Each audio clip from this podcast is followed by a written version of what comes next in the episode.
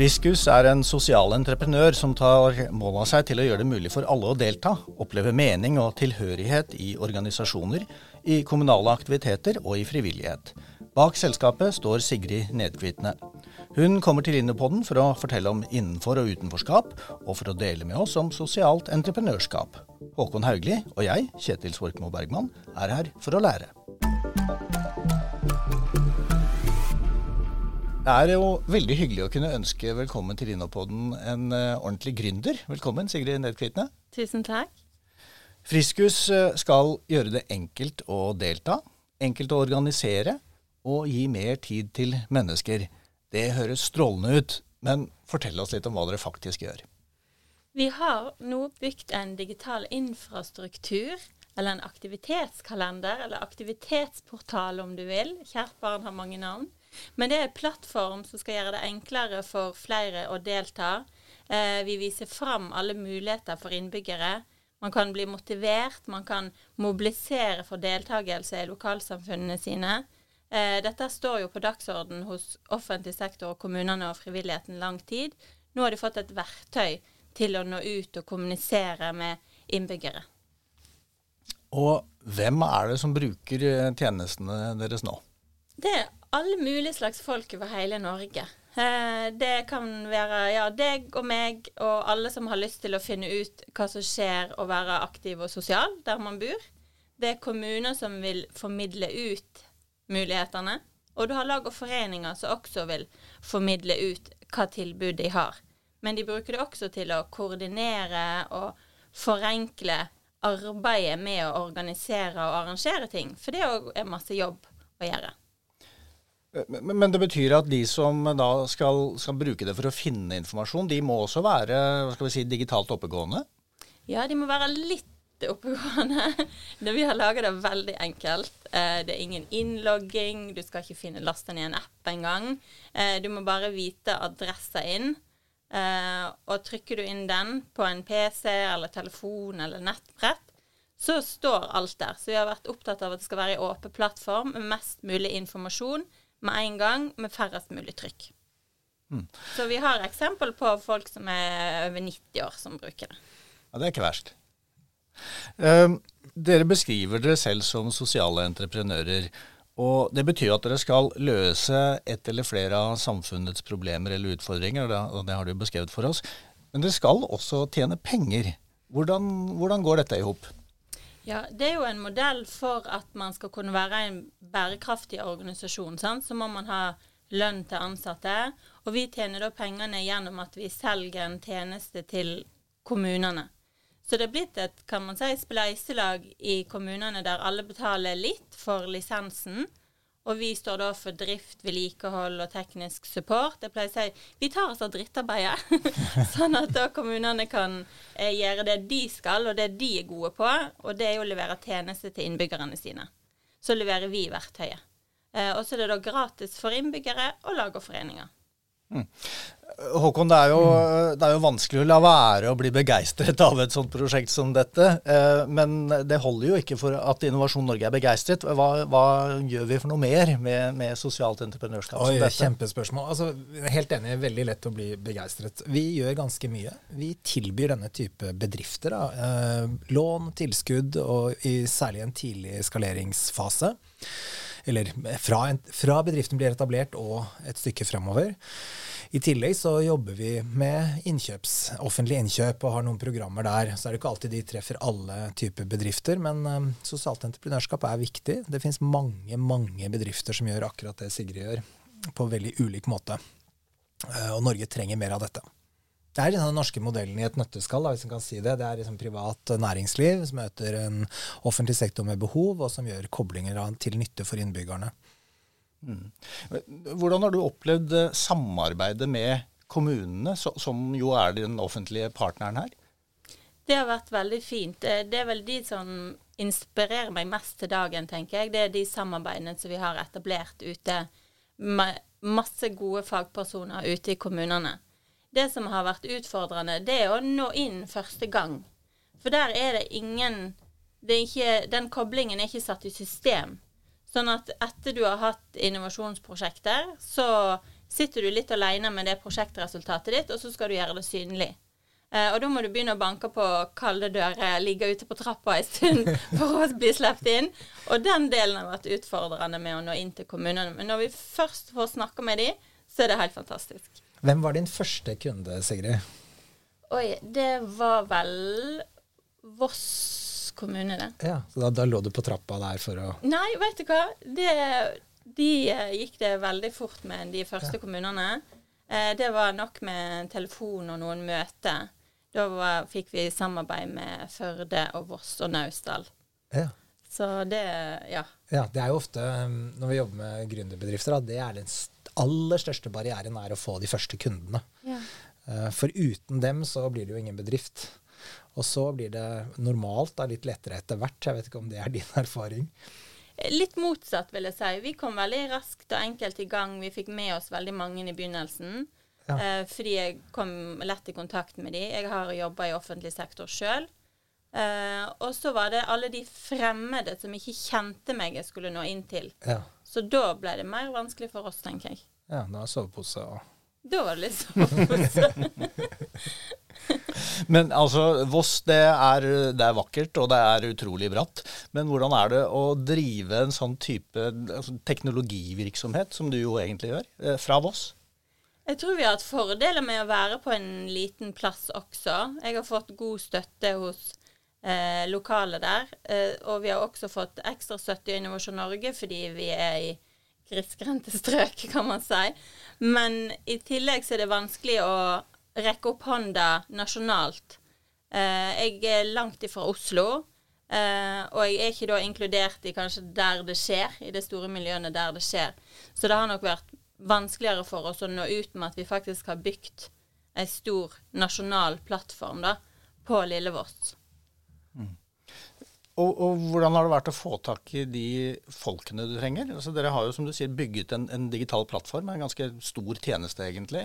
Har dere greid å rekruttere? Det har vært vanskelig, og jeg har valgt å rett og slett ha teamet mitt i Bergen. For å kunne ha kompetanse i organisasjonen. Mm. Ja, For dette er jo noe av det som vi mm. stadig hører om, eh, Håkon? Ja, hvis når vi spør eh, bedrifter i hele landet om hva som er det viktigste hinderet for eh, vekst, så er det tilgang på relevant kompetanse. Det passer jo bra med det du beskriver, Sigrid.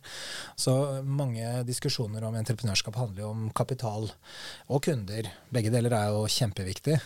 Men det er interessant å merke seg da, at det å få flinke folk med på laget er et viktig, viktigere opplevd hinder enn de to andre mm. K-ene. Mm.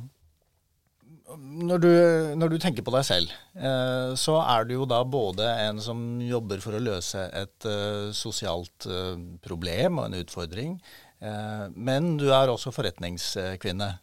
Hva er du mest? Og mest det første. Jeg, ja, jeg gjør jo det her fordi at jeg må være med å løse den utfordringen som vi har sett i sentrale føringer og lest om så, i så mange år. Over ti år. Så det er jo det som driver meg. At når jeg først hadde en idé, så kunne ikke jeg bare la den passere. Da måtte jeg sette den ut i livet. Så jeg merker jo fortsatt at jeg syns det er vanskelig å be om eh, betalt for de tjenestene som jeg leverer. Men jeg må jo skjerpe meg, fordi jeg vet jo at vi er jo helt avhengig av at skal det være bærekraftige tjenester, så må vi ha inntekter til ansatte og til drift. Mm. Langtidsplan for forskning og høyere utdanning, som kom nå relativt nylig, har jo satt seg fore å gjøre noe med da, utenforskapet. Det er faktisk en av to missions, da, eller altså, samfunnsoppdrag, som ligger i den. Uh, og Det som jeg tenker er veldig interessant, Sigrid, det, det, det handler jo selvfølgelig om kunnskap, da, forskning, vi må vite hvorfor vi får utenforskap. Men det handler jo veldig stor grad om innovasjon, den type løsning du produsere. Vi hjelper jo ikke å bare vite hva det er som skjer, vi må jo også gjøre noe med det. Eh, hvilken plass tenker du dette her får i offentlig debatt? Altså, det er jo virkelig et kolossalt samfunnsproblem at folk ikke føler seg som del av, eller, opp, eller reelt sett ikke er del av et samfunn. Det er morsomt du nevner, for jeg var akkurat nå i dag tidlig hos Abelia for å være mm. med og planlegge en konferanse angående dette temaet. Ja. Eh, og det er ekstremt viktig at det kommer høyt opp på dagsorden, og mer enn det har vært. Fordi at man er veldig god på å snakke om FNs bærekraftmål, men glemmer litt de sosiale bærekraftmålene. Og dette går jo rett inn i det. Så det må opp på dagsorden hos ledere i offentlig sektor i større grad. Og så er man òg nødt til å se på hvilke innovasjoner har skjedd. For det er så fort når man skal på konferanse og også snakke om at nå skal vi nå skal vi ha et prosjekt, eller nå skal vi utvikle. Vi bruker ordet 'utvikle'. Men vi må stoppe litt opp òg, og så må vi se til hva har skjedd, og hva kan vi faktisk gjøre nå med den kunnskapen og de prosjektresultatene vi har.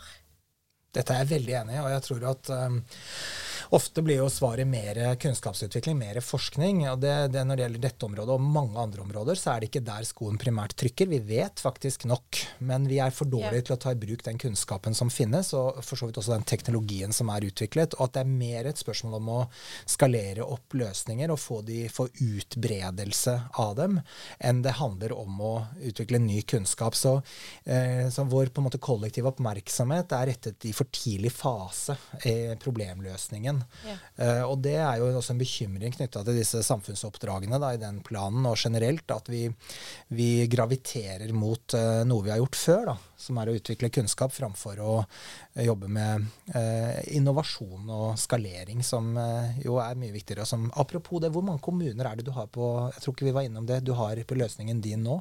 Nå er det vel 45 kommuner. Ja, så det er jo mange. Det er jo et landstrakt land der vi samarbeider med alltid Tromsø i nord til Kvinesdal i sør, og store og små kommuner over hele Norge. Så de sitter jo på masse erfaring og kompetanse. Men hvordan deler den entusiasmen i de kommunene med flere? Ja, nettopp. Og Hvor mange brukere?